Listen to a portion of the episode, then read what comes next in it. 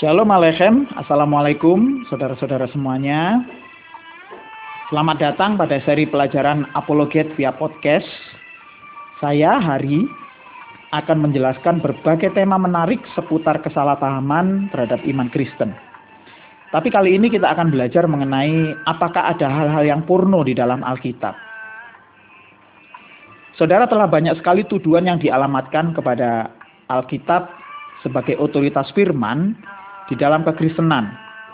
Mulai dari tuduhan bahwa Bible itu palsu, tuduhan juga bahwa Bible itu memuat kata Nabi Muhammad, Bible sudah dirubah, sampai pada tuduhan juga bahwa Bible itu berisi kitab-kitab yang purno. Dari semua tuduhan di atas, yang paling lemah dan nampak tidak akademis adalah tuduhan bahwa Alkitab itu berisi hal-hal yang purno. Mengapa demikian? Ada tiga hal yang saya catat. Pertama, karena si penuduh hanya cenderung membaca Alkitab dengan dangkal, seperti seseorang yang sedang membaca iklan baris. Yang kedua, pikiran si penuduh biasanya sudah terlebih dahulu porno. Jadi ketika membaca kitab yang merupakan hal yang simbolis, sudah beranggapan bahwa hal itu porno. Yang ketiga, penuduh memiliki semangat untuk mencari kelemahan Alkitab dan tidak jujur. Sehingga sebuah teks Alkitab itu tidak dibaca semua, melainkan hanya dicomot begitu saja satu bagian dan membuang bagian yang lain, yang justru bagian yang dibuang itu adalah penjelasan mengenai hal yang dicomotnya itu. Oleh karena itulah, tuduhan tentang hal-hal yang porno di dalam Alkitab adalah tuduhan yang paling mudah untuk dijawab oleh siapa pun juga bahkan oleh seseorang yang baru membaca Alkitab tersebut, tapi dengan catatan dia menggunakan logika berpikir yang benar. Oleh karena itulah, si penuduh yang menyatakan bahwa Alkitab itu porno sudah pasti adalah orang yang memiliki tingkat analisis logika otak yang rendah. Jika seseorang sedikit saja mau menggunakan logikanya, maka segera dia bisa tahu bahwa tuduhan tersebut adalah tuduhan yang konyol, tidak peduli yang menuduh itu lulusan sekolah jenjang apa pun. Ketika tuduhan tentang kepurnuan di dalam Alkitab itu dia munculkan, maka sudah pasti dia sudah terhenti melakukan kemampuan analisis logikanya secara benar. Hal ini sama saja dengan orang yang melontarkan hoax dan men-share-nya tanpa mencari informasi lebih jauh lagi. Permasalahannya adalah bagaimana jika kita bertemu dengan orang-orang yang model seperti ini? Apakah yang harus kita jawab? Nah, saudara, ini yang akan kita pelajari.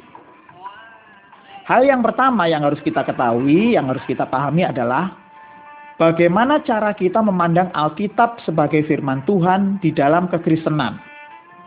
Seperti diketahui bahwa kekristenan itu memiliki pemahaman yang segaris dan sejajar dengan agama Yahudi.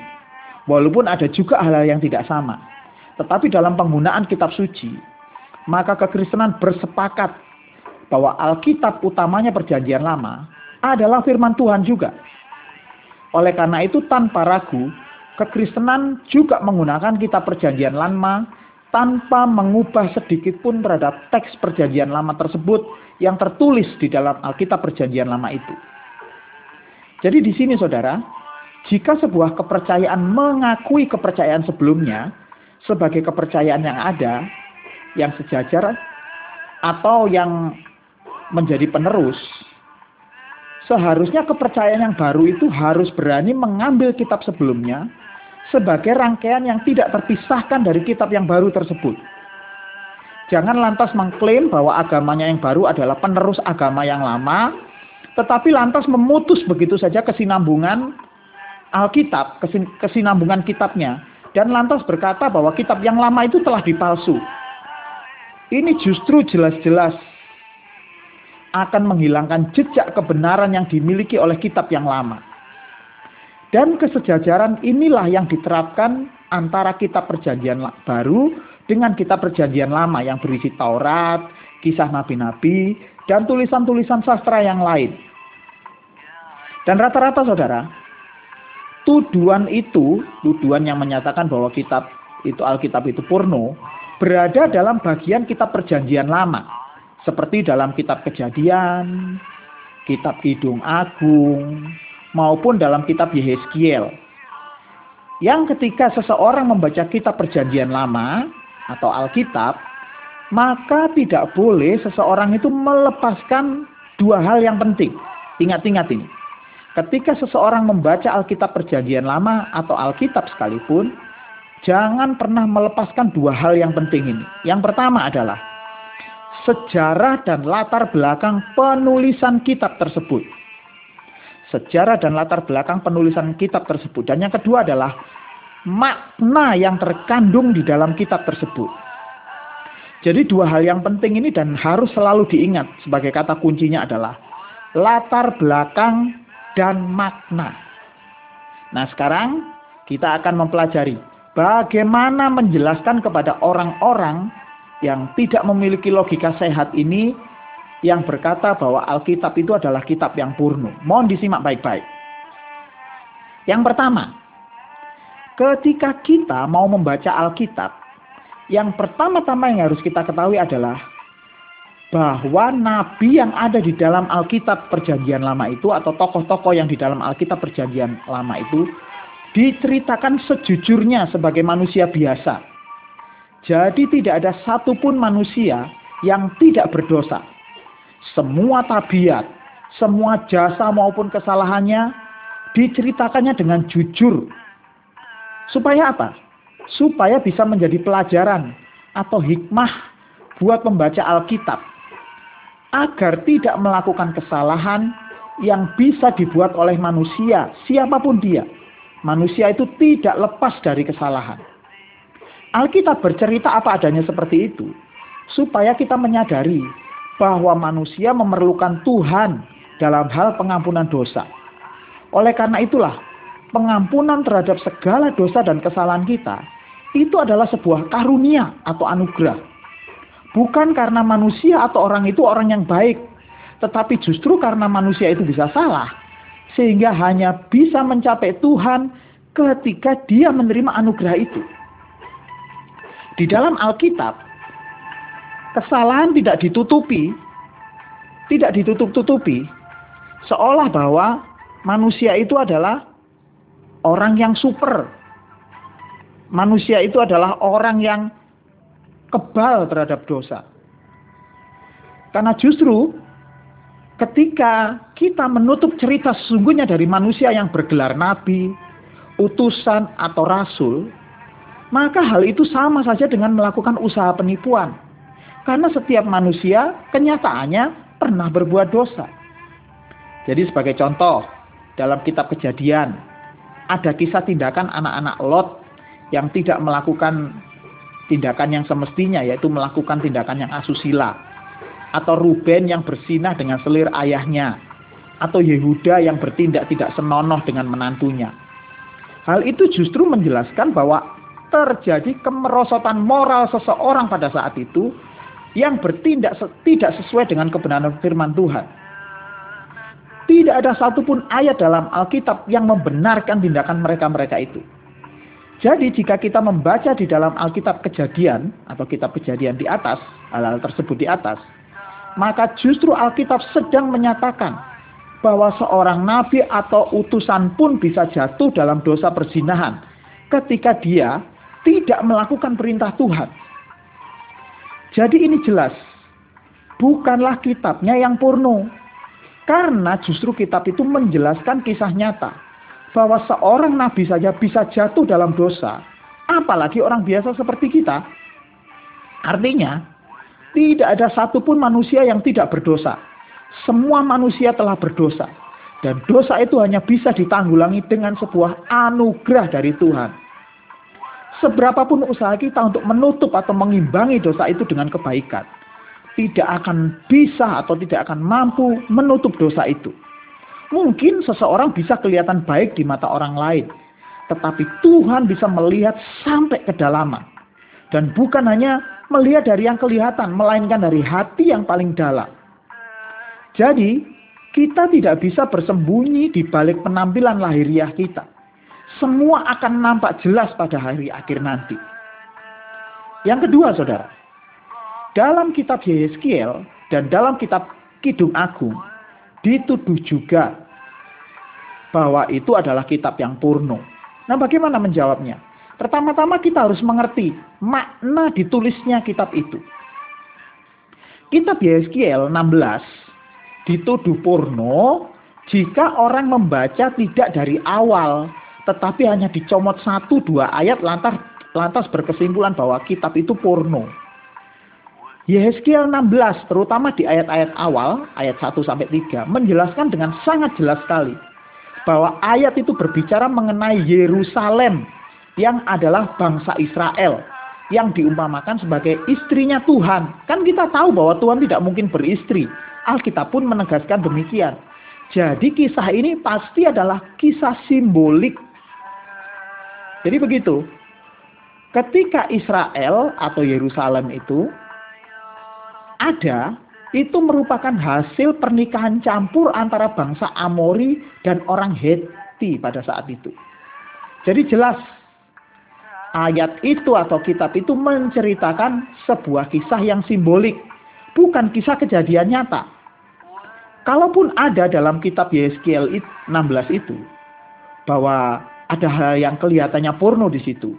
Artinya Tuhan sedang memberikan makna yang mudah sekali ditangkap maksudnya oleh orang-orang pada zaman itu dengan tingkat pendidikan yang tidak seperti ini. Jadi pelajarannya maknanya adalah tentang bagaimana harus setia kepada Tuhan yang benar.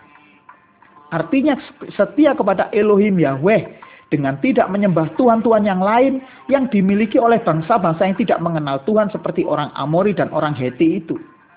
Jadi makna yang ingin ditampilkan adalah bahwa dalam kitab Yeskiel ini Tuhan menegur bangsa-bangsa Israel yang sudah tidak setia lagi pada Elohim Yahweh melainkan yang justru beribadah kepada Allah yang dimiliki oleh orang-orang Amori dan orang-orang Heti.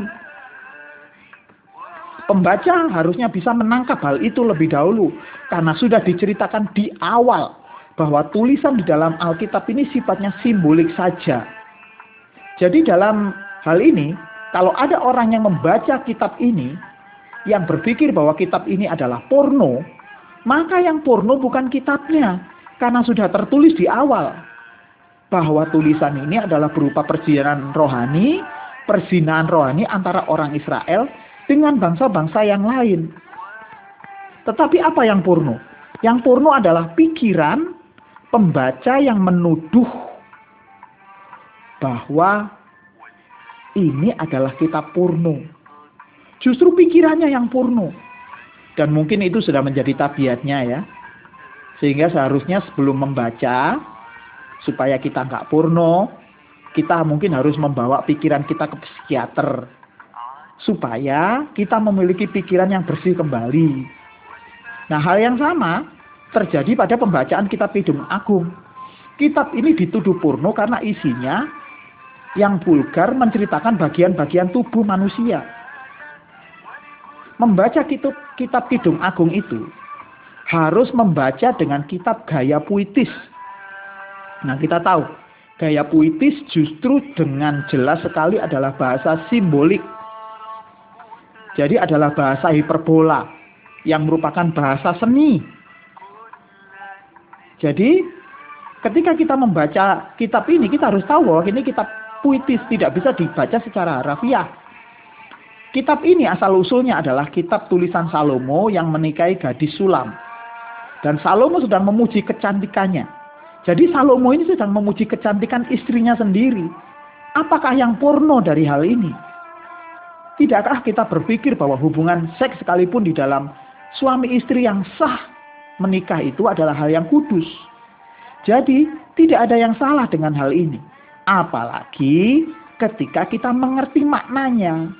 Kitab ini dimaknai sebagai hubungan antara Tuhan dengan jemaatnya. Hal itu tertulis jelas dalam kitab Efesus 5 ayat 22 dan 23. Akan saya bacakan. Hai istri tunduklah kepada suamimu seperti kepada Tuhan. Karena suami adalah kepala istri. Sama seperti Kristus adalah kepala jemaat. Dialah yang menyelamatkan tubuh. Dan itu bukan satu-satunya ayat di dalam Alkitab yang menyatakan demikian.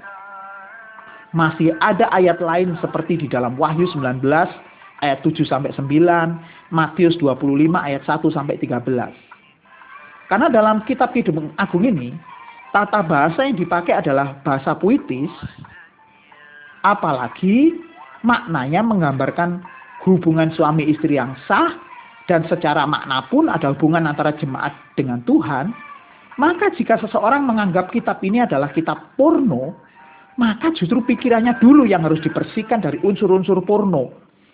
Supaya tidak seenaknya sendiri menuduh suatu kitab itu adalah kitab porno tanpa melihat hal yang penting dalam memahami sebuah kitab yaitu latar belakang dan maknanya.